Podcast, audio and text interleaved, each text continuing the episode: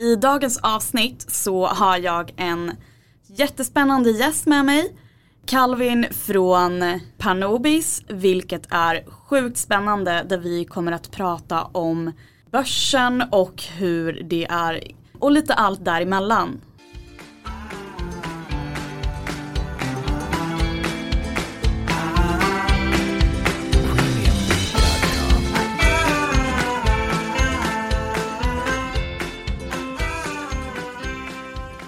Välkomna till Analytics för alla med mig Sadaf. Och eh, idag så har jag med mig en gäst. Who is it in the studio today? Ja, tjena, hej. Detta är eh, Calvin Wand och eh, jag eh, är eh, 37 år gammal, eh, bor numera i Nyköping, eh, 10 mil söder om Stockholm och eh, är founder av Par Nobis som håller på med utbildningar i teknisk analys inom börsen. Jag har faktiskt hört eh, en del eh, bekanta som känner till eh, ditt företag. Ja, ja vad roligt. Ja, roligt. Så eh, vi har diskuterat lite innan mm. och så bara, men du måste ställa de här frågorna så, så jag ska försöka komma ihåg dem. Det är alltid kul att bli igenkänd. Ja, visst är det. Ja. Men bli, blir du det ute? Liksom, ja, nu så? börjar det komma mer och mer här. Man ser så. olika forum, på Avanza skriver en del och även på flera grupper i Discord och sådär. Så man, ja. man börjar se dels bolagets namn och sen också mitt eget namn. Fan vad kul. Så det är kul. Ja det måste vara skitkul. Ja, men, eh, men hur startade hela grejen? Eh, det började med att, eh, vad ska man säga, när jag var, gick på gymnasiet helt enkelt. Redan då var jag ju lite intresserad av, av det här med, med börsen. Man hörde att någons farsa gjorde pengar på börsen och det fanns ju alltid intresse för det. Och drömmen var ju var liksom att kunna tjäna pengar på börsen och vara, men det var ju bara en dröm. Det fanns liksom ingen, som liksom en 16-åring, det fanns ju bara liksom, det var bara en dröm. Det var ju så långt bort. Men jag var alltid ute efter att göra någonting som, som jag kunde få slippa jobba 9 till 5. Det här hatade jag lite grann och, och då fanns det väldigt mycket intresse för, eh, för sjölivet, båtar, fartyg och sådär. Så jag började rikta in mig på, på sjömansskola och eh, blev sjöman då. Och eh, efter de här tre åren på gymnasiet och efter sjömansskolan så började jag på sjökaptensutbildningen på Chalmers i Göteborg. Och så småningom blev jag klar där och hakade på, på stora fartyg i världen. Och när jag väl kom ombord på fartygen då hade jag alltid i världen att sitta och alltså, leka med det som jag alltid velat göra, sitta med börsen. Och då köpte man och sålde lite, någon sa det här är bra, det här är dåligt. Så det var ju bara liksom, man visste inte vad man håller på med, man köpte ju bara på andras tips. Och sen är jag så här, när jag fastnar för någonting, jag måste gå in i djupet. Jag kan liksom inte bara, bara nöja mig med den nivån som är, som är ytligt. Så att jag börjar med, med teknisk analys ombord på fartygen. Blev mer och mer och kolla på andra YouTubes. Började leta upp folk som var duktiga och så småningom så tog jag en utbildning i Ryssland och eh, tog en annan utbildning i Sydafrika och blev mer och mer av det här. Och, eh, och då märkte jag liksom hur intresset började minska för sjölivet och bli större för, för, för börsen. Och, eh, och, och slutligen så, så lyckades jag med det och nu har jag varit i land i cirka fem år och inte behövt åka båt. Är det så man brukar säga att när man inte åker båt man är på land? Ja precis, man är på landbacken. yeah. så att, eh, och det är jag tacksam för och speciellt då när eh, jag fick mitt barn också. Mm. Elissa, hon är fem år idag. Det var ju jättepassande att inte åka bort för jag var ute i sex, sju, åtta veckor i ja. stöten. Och, så att det här var verkligen jättebra timing också. Mm, liksom, att det här hände just nu när man är mm. i den åldern som man är. Just det. Men eh, vad, mm, hur kom du på idén att starta ett företag och göra en, liksom en, stor, en stor grej av det? Eh, det här med företaget, det fanns inte riktigt på världskartan att jag skulle utbilda människor. Men eh, det var ju många som frågade mig, vad ska jag köpa, vad ska jag köpa, vad ska jag sälja? Så det var ju väldigt mycket som man fick höra hela tiden. Jag var ju lite trött på det här att alla ska fråga mig vad de ska köpa. Och, eh, en del gick ju snett och folk blev så arga och andra gjorde pengar. Men det var ju liksom, alltså jag orkar liksom inte med det här. Och då sa min syster, hon är ju, min syster är ju, hon är, hon är en riktig affärskvinna. Du kan ta fram eh, ett glas framför henne och hon börjar direkt hitta på vad man ska göra med den. Då sa hon, men om du ändå är så mycket efterfråga, varför kan inte du bara lära ut människor? Bara liksom i din, i din krets, dina polare, dina, dina närmaste, bara där, där är de liksom 20 pers som vill lära sig det här. Ja. Och då kom hon med på just det här affärsidén med Parnobis och eh, då drog vi igång det och eh, det blev ju Ja det gjorde succé direkt redan efter, eh, efter första omgången som gick i maj då. Okej, så hur länge har företaget funnits ungefär? Eh, företaget Parnobis eh, kom igång i maj 2020. Och eh, det är så pass nytt. Och eh, då gick vi ut med, eh, med kurserna då på, på Instagram. Vi gjorde ingen jättemarknadsföring, det var verkligen på Instagram och, och jag hade haft en YouTube-kanal sen innan som hade 1500 mm. följare och sådär. Och eh, redan på första omgången som vi skulle ta 20 platser hade vi nästan 200 som hade anmält sig. Och, eh, och tyvärr fick vi neka så många för att det skulle vara över min kapacitet att kunna utbilda så många människor. Just det. Mm. Men hur körs utbildningen? Alltså hur gjordes de i maj? Uh, utbildningen är, eh, det är digitalt. Ah, okay. Så vi möts i ett uh, digitalt klassrum kan man säga och, uh, och därefter så kör vi webbinarier. bestämda, det, det, är precis som skolan, du har ett schema. Man kör webbinarier och i webbinariet så har man chans att ställa frågor och sen så, så kör vi de här, det är 40 timmar ungefär som vi kör lektioner som är utspridda över två, två och en halv månad. Och så har vi övningar, de får övningar av oss. Mm eh, som de måste lösa. Och sen har vi söndagsövningar igen. Så vi möts hela tiden online. Och, och eh, det som är lite specifikt med, med våran utbildning som, som sticker ut lite det är att jag följer upp eh, gruppen. Jag coachar dem re, även efter utbildningen. Okay. Så de är med lifetime i den här klassen så länge, så jag brukar säga det, så länge jag finns och ni finns så är vi där. Så att det här mentorskapet Oj, och coachingen den finns kvar hela tiden. Oj, men jag tänker hur, eh, är det inte svårt att följa upp om det är, liksom, om det är 200-300 personer och det blir bara fler och fler? Mm, jo, där har det varit ett problem. Men jag har ju eh, redan tagit hjälp av en, eh, en gammal kompis, Christian. Jag och han började tillsammans med den här börsresan. Så han är med och hjälper till. Och målet, själva visionen är ju också att kunna rekrytera från klassen. Eh, de eleverna som går idag, ta de bästa och, och eh, ta hjälp av dem och, och expandera det här. Det är ju det är en del av själva paketet så att säga. Hur många är det i, ursäkta, i varje, varje klass? Eh, vi har ju velat ligga på 20-25 pers max per klass. Eh, så nu har vi fullt för septemberkursen som börjar nu också och där har vi tagit 20 personer. Mm. Så det är 20 maj och 20 september, det är 40 personer som vi har eh, och även nu i september var det, tror jag dryga 300 pers också som anmälde sig för septemberkursen. Så att, eh, och nästa blir januari då, januari, februari. Då var det inte svårt att, att, bli lärare och börja lägga upp en, liksom en plan på hur du ska göra en utbildning och mm. utbilda människor? Det här har ju bara varit din, din hobby. Och nu ska du alltså sätta prägel till folks, liksom, du ska alltså ge kunskap till en annan människa mm. som kanske inte kan någonting. Exakt. Jo, det är klart, det är alltid en utmaning. Jag tror även för en riktig lärare kan det vara en utmaning. Mm. Eh, men jag hade lite fördel av det här för när jag jobbade som sjöbefäl då hade jag många stora grupper. Det kunde vara en grupp på 200 pers som jag skulle utbilda till exempel i, i livbåtsövningar. Hur man, eh, vad, vad gör vi när, om vi sjunker på ett fartyg? Det var ju mycket övningar så jag hade ganska lätt för att dels prata inför en grupp och eh, Sen tycker jag att jag är ganska pedagogiskt lagt också. Det får jag höra ofta att, mm. att jag, jag kan förklara svåra grejer på ett väldigt enkelt sätt. Så att eh, det är ganska så, positivt med tanke på hur pass avancerat det här är. Exakt, exakt, exakt. Så det är ju, och jag brukar säga det, det här är väldigt komplicerade grejer och kan vi få ner den till, till gatunivå som jag kallar det. Så att få bort alla de här fina akademik, akademiska orden och bara vanligt språk så att man kan förstå. Då är vi, då är vi på helt annan nivå och det är det som är just målet här också. Så att just. alla kan förstå vad vi säger. Nu för en, för, en, för en lyssnare då som kanske är en nybörjare och vill försöka förstå sig på teknisk analys och har absolut ingen aning om varken begreppet. Hur, hur skulle du förklara det med korta ord? Vad, vad är det? Teknisk analys, det finns två sätt som man kan analysera på börsen. Dels kan man göra via teknisk analys, sen kan man också göra via fundamentalt analys. Fundamentalt analys är när man går och läser om bolaget. Rapporter, hur de har utvecklats och historiken, allt som har med bolaget att göra rent teoretiskt. Sen finns det en teknisk analys och teknisk analys är ju om vi ska säga teknisk analys över H&M till exempel, det har inte så mycket med H&M att göra. Det är mer psykologin bakom köparna och säljarna. Eh, om du till exempel går in som en storspelare och köper, vi säger 50 miljoner kronor hm aktie då kommer det synas i grafen. Så jag som teknisk, teknisk analytiker är ute efter att veta när du med muskler, med pengar köper H&M för när du gör det så kommer H&M att gå upp. Och jag är ute efter det, jag bryr mig inte om H&M. Jag vill veta hur storspelarna gör på just de specifika aktierna och de vill, jag vill vara på samma tåg som dem. Så bolaget i sig bryr jag mig inte så mycket om. Och teknisk analys tycker jag är kanon när det gäller kortsiktig investering. Om man inte ska ligga liksom 5-10 år, då är det bra om man vet lite om H&M. Men är det kortsiktigt som vi jobbar med, då är vi alltså ute efter att veta psykologin i marknaden och inte så mycket i bolaget i sig.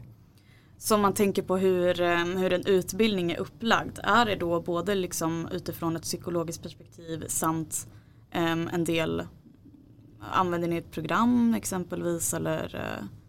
Alltså teknisk analys kan man säga, det, det, är ju det är lika med psykologin. Så att, håller man på med teknisk analys då håller man på och mäter psykologin i marknaden. Och eh, för det använder vi ett program som heter TradingView.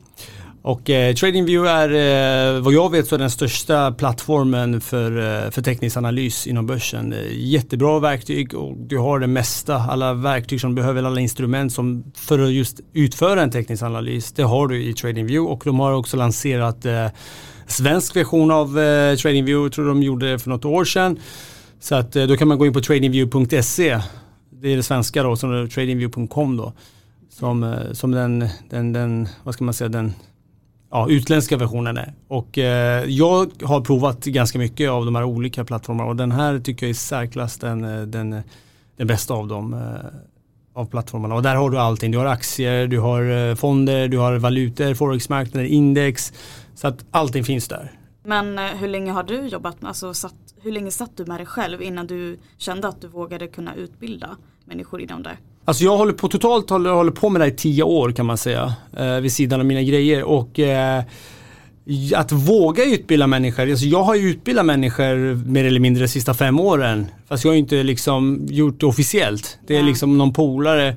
Jag vet att när jag körde Stena Line till exempel mellan Göteborg och Danmark. Eh, det fanns ju några matroser som satt bredvid mig när vi körde fram och tillbaka. Och de, det var ju som en skolklass. Och ja. De satt och antecknade och jag drog mina grejer medan vi körde båt tillsammans. Så att, utbilda människor har jag gjort. Men nu blir det mer officiellt. Nu, är det liksom, nu går jag ordentligt i den där lärarrollen så att säga. Mm.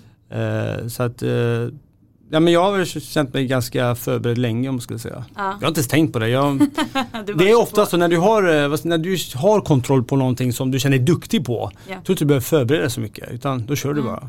Men hur ser en vanlig dag ut för dig när du utbildar? Är mm. det liksom eh, så som du sa då i ett klassrum och fast digitalt och är det, är det med en kamera eller hur, hur mm. eh, Vi har då bestämda tider sedan innan. Ja, då möts vi i en länk som jag skickar i klassrummet. Alla klickar på länken, då kommer vi i ett, eh, i ett rum då så att säga och alla är med. Och eh, så fort alla är samlade så börjar vi spela in. Mm. Vi har också den möjligheten att man kan gå tillbaka och titta på, på inspelningar. Då kör vi en vanlig lektion och jag använder ett annat program eh, som heter Zoom. ZOM. Eh, och där har du massa ritverktyg då som du kan använda. Man kan, så att man kan rita på varandras skärmar. Okay. Eh, det är ungefär som att du står framför en riktig tavla. Ja. Och, och, ritar och suddar och liksom. Ja. Och det använder vi så. Ja, och det, alla kan rita.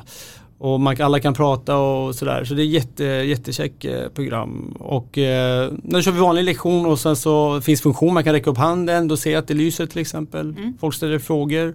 Mm exakt som ett vanligt klassrum, bara att vi inte ser. Någon kamera har vi inte, det kan man ha om man vill, funktionen finns. Men annars så kör vi bara voice. Ja, sjukt spännande faktiskt. Jag ja. tycker det är riktigt roligt, speciellt när du att, att bara komma på idén och köra, liksom, köra sitt race. Ja. Jag tycker det är jättehäftigt. Hur ser det ut i en vanlig klass? Är det, är det, är det blandade åldrar? Är det, hur ser könfördelningen mm. ut? Uh, det är precis som ett vanligt klassrum. Uh, och jag skulle vilja säga att generellt är det ju dessvärre så är det fler killar eh, som är Aha. i Sverige generellt, alltså, eller i världen så att säga, som är mer intresserade av börsen. Och det ser jag på i min Instagram till exempel. Där är 18% kvinnor som följer mig och eh, resten män. Och det är någonting som vi har faktiskt jobbat eh, ganska mycket med, både jag och min syster. Vi öppnade också den här gruppen kvinnliga analytiker på börsen. Eh, där det jag och min syster och tusen andra kvinnor. Eh, I början var det lite känsligt att även jag var där inne. Men då fick jag förklara att eh, det är det som är vi strävar efter, att få, få fler tjejer att bli intresserade. Så, att, eh, så vi är ju fler killar dessvärre i klassen, eh, men vi har några tjejer också. Så att, eh, det är precis som ett vanligt klassrum. Och sen har vi, det här klassrummen har vi också delat upp i olika rum, olika klasser. Om man vill prata, vi har frågor till exempel, vi har eh, TradingView som nu, det här programmet, man vill prata just om TradingView eller olika rum till exempel så, här, så att man kan diskutera specifika saker i olika kanaler. Så att det är väldigt upplinat och så här, eh, eh, vad ska man säga, organiserat. Är det mer äldre eller yngre som eh, söker de här utbildningarna? Eh, jag skulle väl säga att det är fler yngre och när jag säger yngre då, då pratar jag om mellan 25 till 35. Mm. 25 till 35 och sen har vi några som är lite äldre också. Uh, så att det, det, är lite blandat men fler yngre då skulle jag säga i så fall. Men vad tror du det beror på då att det är just yngre män som söker och, och vill liksom har, har du funderat kring det? Hur kommer det sig att det är så?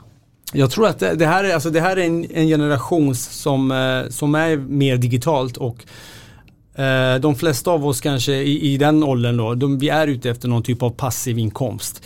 Medan inte, no, in, inte för att generalisera här, men mm. de äldre kanske sitter i sin komfortzon, kanske har ett jobb och gör det här lite mer ja, jag kan väl titta på börsen någon gång medan de här unga är väldigt hungriga. De vill, de vill få det här som ett yrke till och med, många av de här.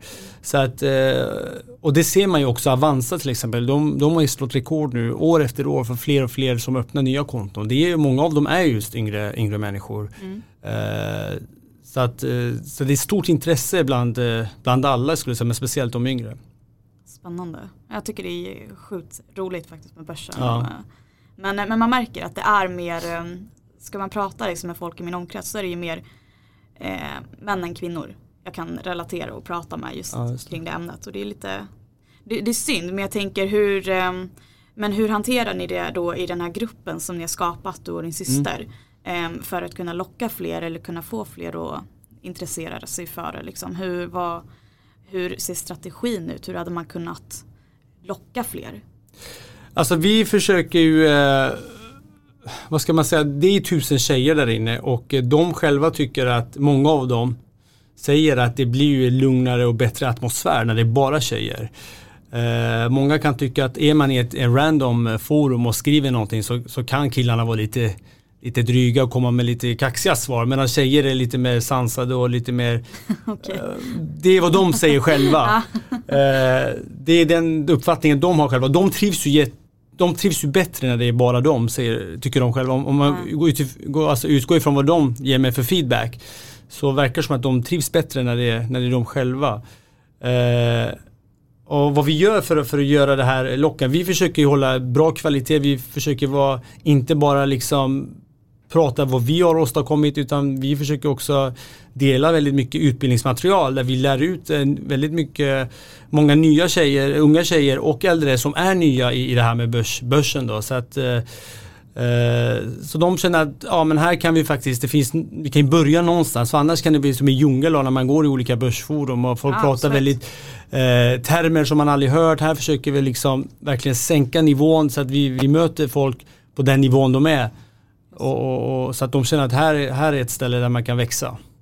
Men är det mer nybörjare som söker till era utbildningar eller um, kan det vara folk som ändå har men kanske som, som er som ändå har varit med i kanske tio år i mm. branschen. Mm. Och... Vi, har, vi har dels eh, nya människor, sen har vi de som har hållit på i 10-15 år. Men de och de känner, söker ändå ja, era utbildningar? Ja, de känner att vi har hållit på i 10-15 år men vi känner att vi har inte kommit liksom ja. där vi önskar vara. Så nu, nu, är, nu är vi trötta på, att liksom lalla i det här börsvärlden. Nu vill vi lära oss på riktigt. Liksom. Så att jag har ju både duktiga och, och nybörjare som, som är med eh, och vill ta del av det här och, och göra det här. Vi, vi gör det med, vad ska man säga, det vi håller på med, det är inte det är inte vanlig teknisk analys. Vi går i djupet av teknisk analys. Alltså vi gräver en, en, graf ungefär som du lägger en graf i en operationssal och vi bara river ut allting och ser. Vi vill veta varenda reaktion, varför det har blivit så och hur kommer nästa händelse att vara. Och vi är också eh, väldigt medvetna om att eh, börsen är ett, eh, vad som händer på börsen är ett upprepande mönster. Det är ungefär som alla årstider, sommar, vinter, höst och det, det kommer igen och liksom det är som din och min vardag. Vi vaknar på morgon, kaffe, jobb och så är det på börsen också. Det är upprepande mönster som, som upprepar sig om och om igen och det här har vi förstått. Och vi försöker ta del av, eh, vi försöker liksom ta fördelarna från historiken i verkligheten genom att gå i djupet av teknisk analys. Och eh, systemet vi använder är eh, Elliots vågräkning. Så vi, vi räknar vågor och det är ganska nytt för även många som är erfarna i, branschen. Och jag tror att det är just den här metoden som gör det här eh, specifik också. Alltså, så det fanns eh, Elliot, är det en specifik metod man kör? Ja, då? Elliot är alltså, han är, det var ju en farbror, en amerikansk kille, en revisor som, som han upptäckte att eh, börsen rör sig i vågor. Och då började han studera de här vågorna på börsen på, på olika index, amerikanska index. Eh, det är många år, alltså hundra år sedan tillbaka. Och, eh, så att han, vad han gjorde egentligen, han, han, han förstod att det finns en psykologi bakom, att det är upprepande mönster. Och eh, nu när man liksom tillämpar hans metod så många år, liksom, decennier efter att han har gått bort och ändå så funkar det. Och, och eh, anledningen till det är att det, här, det ligger ett flockbeteende bakom det här och vi människor är, eh, vi är flockdjur. Vi har i stort sett samma tänk. Vi, vi, vi agerar nästan likadant så att, och därför så funkar den här metoden. Och, eh, och den heter Elliots eh, wave-teori då på engelska. Men jag tänker hela den här tekniska analysdelen, hur tror du det hade kunnat tillämpas? Eh, tror du det hade, techbranschen växer hela tiden. Mm. Jag tänker hur kan tech kanske hjälpa folk som jobbar på börsen och hur ska man kunna liksom sammanfläta tech och teknisk analys tror du? Alltså teknisk analys, man får inte glömma att även om ordet heter teknisk analys, men det är egentligen psykologi vi pratar om. Eh, det är psykologin, det är flockbeteendet som gör att de här graferna rör sig som de gör. Eh, många brukar säga så här, ah, nu kommer Donald Trump att säga någonting och då kommer någonting att gå upp. Men i själva verket, det är inte Donald Trump som skjuter upp en aktie utan det är din och min tolkning av vad Trump säger. Det är den som får aktien att röra på sig. Det är inte Trump. Och det är där psykologin kommer. För om du tolkar till exempel Trumps eh, tal för något negativt och det, och jag tycker också, och det är tillräckligt många som tycker det här låter negativt, så kommer vi alla gå emot börsen och då kommer det här aktien till exempel eller indexet att rasa. Så att eh, så att det här med teknisk analys, det vet jag inte om man kan riktigt, eh, alltså om man ser det som att det är en utveckling tekniskt sett, utan det är psykologi. Men tror du att det kan, eh, tror du att just tech eller på något sätt IT skulle kunna förbättra man skulle väl kunna väl eh, ha schysstare plattformar kanske, ja. bättre verktyg till exempel. Nu är det många som kör med automatiserad trading. De, har, de kanske har en strategi, de har gått och liksom skrivit en logaritm och datorn liksom tradar åt den så att du inte behöver sitta vid datorn själv. Det har ju för sig utvecklats. Men det är fortfarande en psykologi bakom, för när logaritmen skrivs då har man kanske sagt till logaritmen när den kommer dit köp och när den kommer dit sälj. Mm. Och det hänger ju också på på det här mm. flockbeteendet som marknaden håller på. Just det. Så det enda är om man, man kör, det är plattformarna som kan utveckla sig men, mm, mm. metoden är nog samma. Det, det måste ju vara fler nu som intresserar sig eller ens får upp ögonen för börsen med tanke på just situationen som råder i världen. Um, om, om vi syftar då på just covid-19 så tänker jag att fler sitter hemma, lite tråkigt, ja, börsen kanske är någonting jag äntligen kan ta tag i. Har du märkt någon skillnad eh, statistiskt sett men att, att det mm, har ökat liksom? Eh, jag tror just eh, covid-19 har ju påverkat det här på alla sätt. Det är jättemånga människor som precis börjat lära sig något nytt. Någon kanske börjar måla, någon håller på med börsen, någon ja, men jag passar på att ta körkort. Jag, jag har polare som börjar lära sig flyga nu till exempel för de har inget att göra. Så att folk har verkligen gå, hitta på eh, nya grejer och det är jättekul om man ser det positiva i det negativa. Så att, och där ser jag också att eh, det är jättemånga som, eh, som gett sig in på börsen för första gången för att de kanske sitter hemma arbetslösa och har ett, hittat ett tillfälle för att lära sig något nytt. Mm. Verkligen, det har jag märkt. Ja. Ehm, så antalet fler ansökningar till era utbildningar, har det också ökat? Alltså ja, i och med att vi börjar i maj och vi börjar ju mitt i corona så att säga, så jag vet mm. inte hur det var innan. Men, eh, men erfarenheten från branschen ska jag säga att den här utvecklingen, intresset för börsen, den bara stiger och stiger och stiger år för år. Mm. Eh, folk har förstått att det finns pengar att hämta. Självklart finns det pengar att förlora också. Mm. Men där är, alltså, om man vet vad man håller på med så finns det pengar att hämta. Och eh, just covid kan jag tänka mig att det är många som, som i alla fall de som förlorar jobbet, de, de såg en möjlighet för att börja studera lite eh, grafer och framförallt teknisk analys.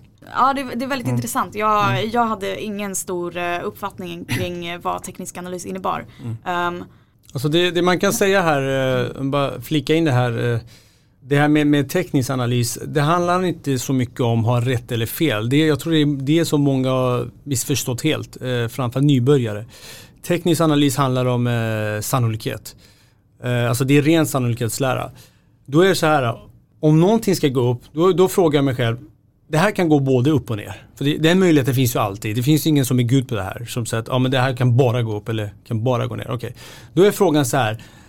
Är sannolikheten större för att någonting ska gå upp? Vi ser H&M till exempel. Vad är sannolikheten för att H&M ska gå upp utöver liksom det här analysen som vi gjort?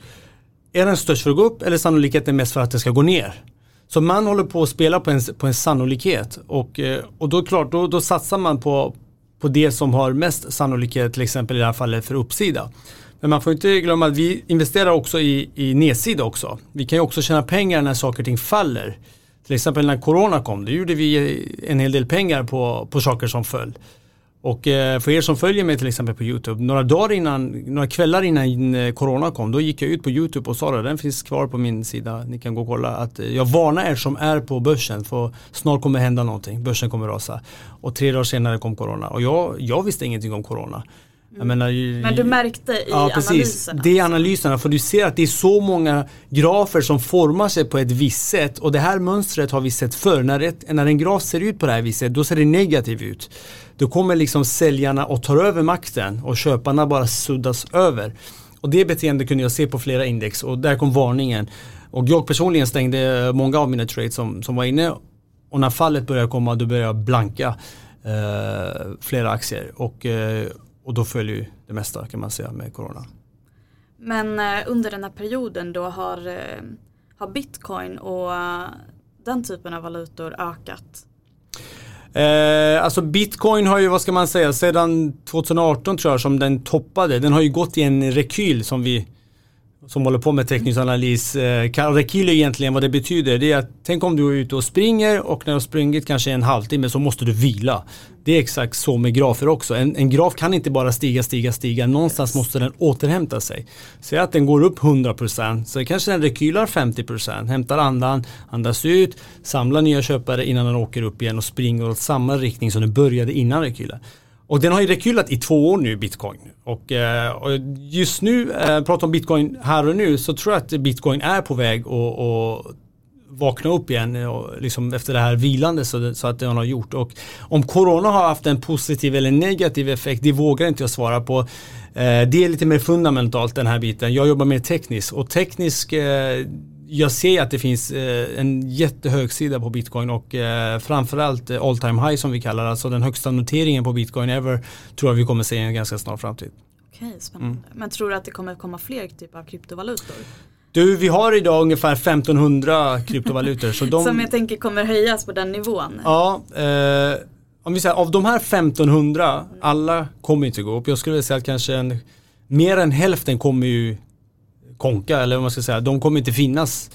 Eh, sen finns det de här mest attraktivaste som bitcoin, ethereum, eh, ripple. Eh, de är ju de tre som, som är de, de stora kan man säga. De tror jag vi kommer se mer uppsida. Eh, framförallt ethereum då. Så att, jag vet inte om vi ska gå in i djupet av kryptobranschen här. Men, Nej, men det är spännande. Ja, men ethereum ser en potential av, eh, det som gör ethereum unik är att ethereum har egen plattform. Eh, det är ungefär som jag tänkte ethereum är App Store. Mm. Och så de andra coinen är appar. Så de går och hyr en plats i App Store yeah. för att lansera sina appar. Och det är vad ethereum håller på med. Ethereum är en plattform som hyr ut platser till andra coins. Så att de är inte bara en coin, de är också en plattform. Yeah. Som gör ethereum väldigt attraktiv. Och det förvånar mig inte om i framtiden ethereum går om bitcoin faktiskt. Mm. Men, den, men de här liksom typer av analyser som du gör nu och de här eh, att du förutspår sådana saker. Mm. Eh, är det av erfarenhet? Eh, hur, hur, hur, vet man? Ja, hur vet man? Eh, alltså teorin är ganska enkel. Det skulle jag kunna dra för dig på, på en timme. Ja. Så har du all teori du behöver. Men dessvärre tillämpa den här teorin i verkligheten, det behöver många tusen timmars eh, skärmtid. Så att, eh, och det finns väl ett uttryck som säger det, vad du än gör, om du gör det 10 000 timmar så blir du till slut bra på det. Så att jag, jag tror det ligger någonting i det och jag har ju verkligen eh, de här sista Sista fem åren tror jag jag har snittat 14 timmar om dagen framför skärmar. Eh, wow. eh, och det är tur att jag ännu inte har fått briller på mig. Men det är, jag tror i en snar framtid så är jag det här.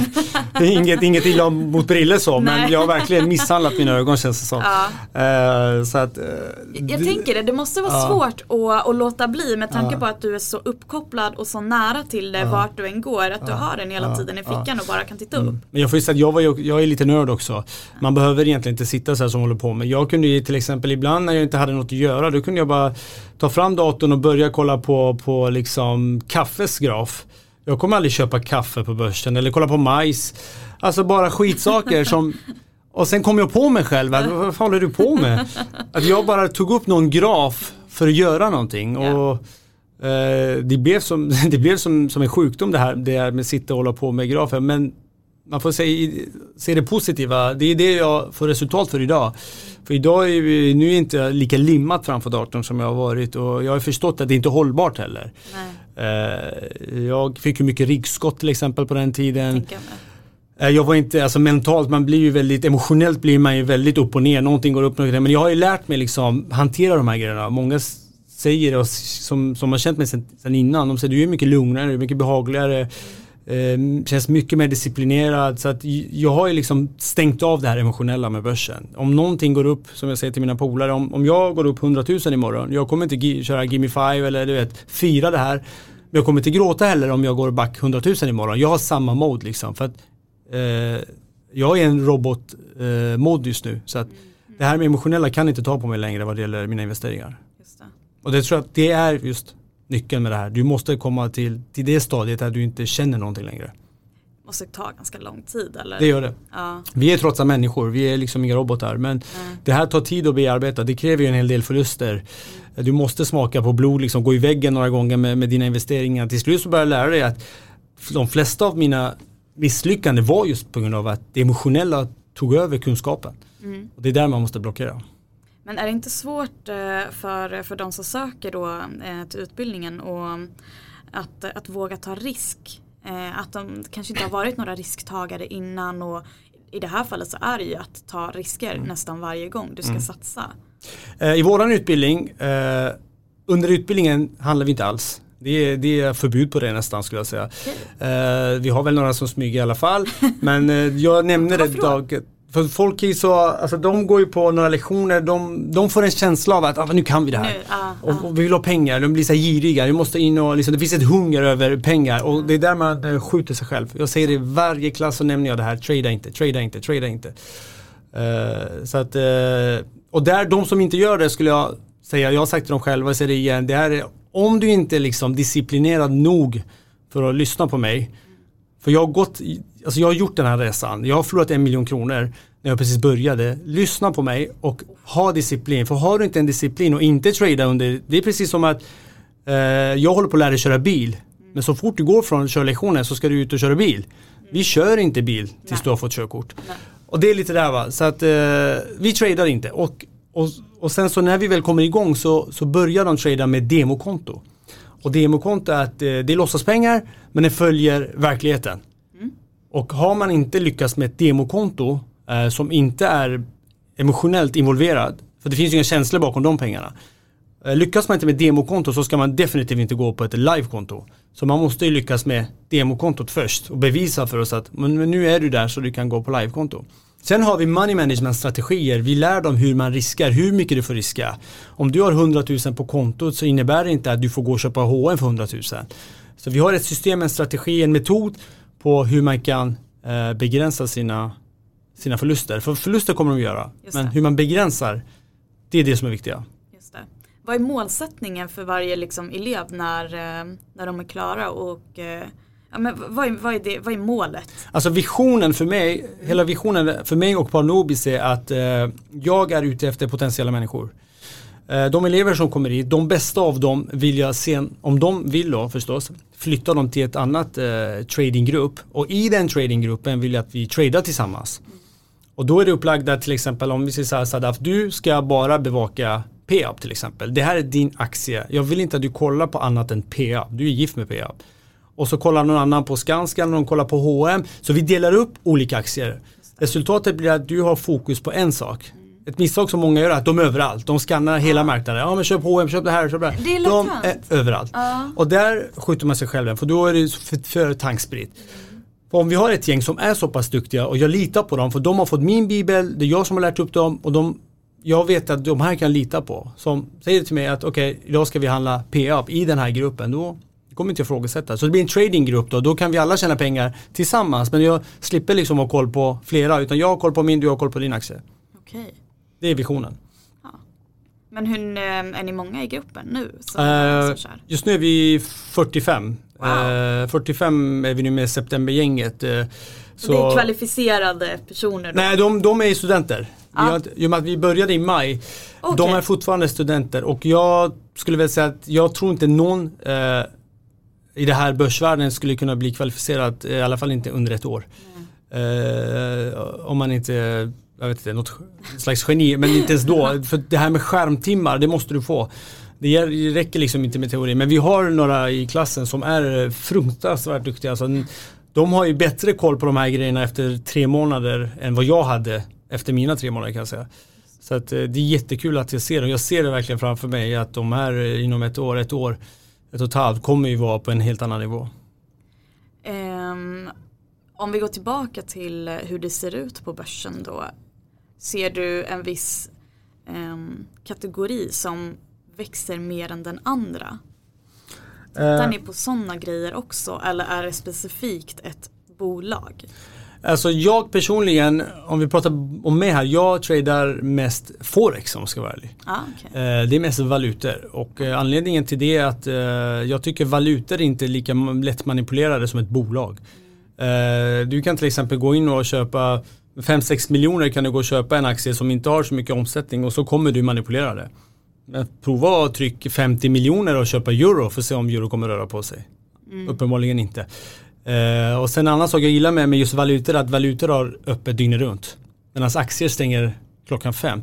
Så om du köper en aktie idag och så går du sover på kvällen och så vaknar du imorgon eh, och så har corona kommit eller eh, USA bombat Iran eller, eller vad, vet jag, någon dog, någon, någon, ja, någonting händer i världen. Du har alltså, någonting som får att aktien rasar. Du kan inte skydda det på något sätt. Du Nej. kommer vakna med 40% minus.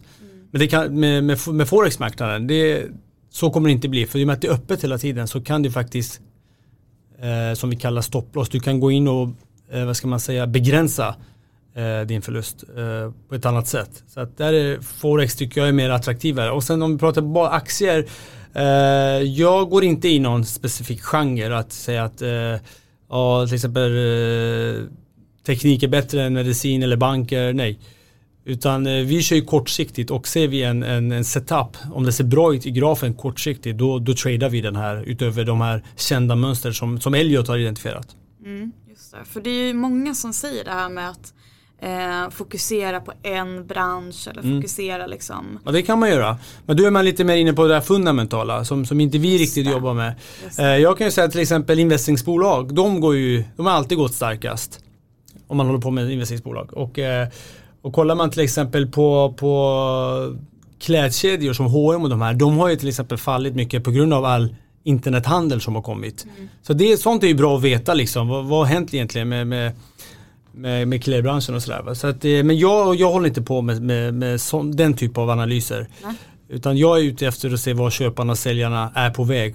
Och jag hoppar på tåget på samma håll som de med muskler så att säga. Så man kan inte liksom, jag tänker det här med att eh, kunna eh, undvika den där dag, alltså dippen som kanske upp, uppkommer då på kvällen när man sover och så Mm. vaknar man dagen efter. Jag tänker om man, om man eh, sam, liksom kör teknisk analys en dag. Mm. Per, alltså att man kör per dag. Det kan man göra också. Är det Eh, något man gör? Daytrading som det kallas. Okej, Och, och oftast, vi har ju olika nivåer för när Ja. dippar ska komma. ja, Och eh, det, det här kallas också för fraktal. Fraktal betyder att eh, om du har liksom eh, eh, det är någonting, något mönster i en större eh, timeframe och så har du samma mönster i mindre skala.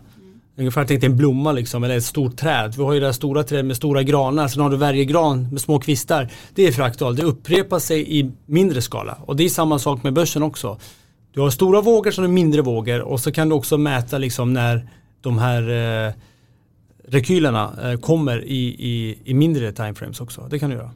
Okej, så då kan man ju nästan försöka förutspå um, när den här dalen kommer då så att Exakt. man kan gå och lägga sig ganska lugn och veta att amen, jag vet att imorgon så kommer det inte ske en riktig dipp om Ja. det inte är så att det är en bom, ett bombattentat då, som Exakt. du kan inte förutspå. Det är precis, det är de här plötsliga saker som du inte kan undvika. Men all det vanliga, de här eh, rekyler eller pullbackar som vi kallar, de, de kan man ju förutspå. Och, eh, eh, det är ungefär som att jag ska åka från Stockholm till Göteborg. Men jag vet att jag kan inte åka spikrakt ner. Det kommer krokar på vägen och de krokarna tar jag. För det är samma börsen. Vi kommer gå upp, men det blir krokigt. Det kommer lite fall på vägen. Eh, och de är beräknade. De, du ska liksom inte bli överraskad när du ser dem. För de, de kan man faktiskt läsa ut till en viss del. Men eh, till en person då som eh, är ny och vill eh, börja men vet inte vart och hur. Och, det är, för det, det är så mycket information. Om du, Mm. om du, om du bara börjar liksom med att okej men jag ska börja följa lite profiler på, på Instagram. finns hundra olika som säger Ja. allt möjligt. Ja. Allt ifrån det här med att kunna kanske kategorisera aktier eller eh, vad, vad det nu kan Mm. vara. Nej men du ska bara köra kryptovalutor för det är det som gäller. Mm. Vad skulle du ge för råd? Eh, det jag skulle ju säga att eh, när jag började, jag började kolla på YouTube på, på många av de här större namn som är framgångsrika.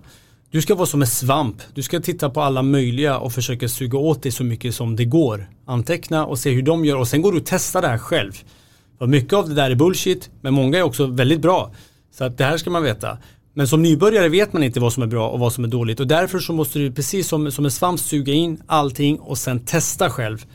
Och det tror jag är det bästa sättet eh, att göra det på. Att göra det på egen hand. Och idag, jag menar vi lever i 2020. Det finns mycket på nätet men visst kan vara en nackdel också när det blir ett hav med grejer. Då vet man inte var man ska börja. Men eh, det tipset jag har är att kolla på så många traders på YouTube som möjligt och, och, och framförallt läsa Elliots eh, bok, Elliot Wave. Eh, hans bok är min bibel så att säga och, eh, och den är väldigt svår ska jag säga. Eh, när jag läste den första fem gångerna, det var ju lite som kinesiska. Eh, Varför då? Det, det, är så, det, alltså det här boken skrevs ju för jätte- jättelänge sedan. Ja. Och den finns bara på engelska och eh, jag är ganska bra på engelska men, men jag tycker den är väldigt opedagogisk förklarad. Jag håller på att faktiskt skriva den här boken själv nu. Eh, på svenska och med, mer som ett vardagsspråk. Ja. För jag är inte själv någon ekonom. Jag kan inte de här vackra fina akademiks, eh, akademiska ekonomiska ord. Så jag kommer skriva från mitt eget, mitt eget språk och hoppas att den kan vara till, till nytta för de som vill börja med, med Elliot. Men eh, för övrigt så YouTube tror jag är bästa. Men, eh, men boken, spännande, när, eh, när kan det vara aktuellt då?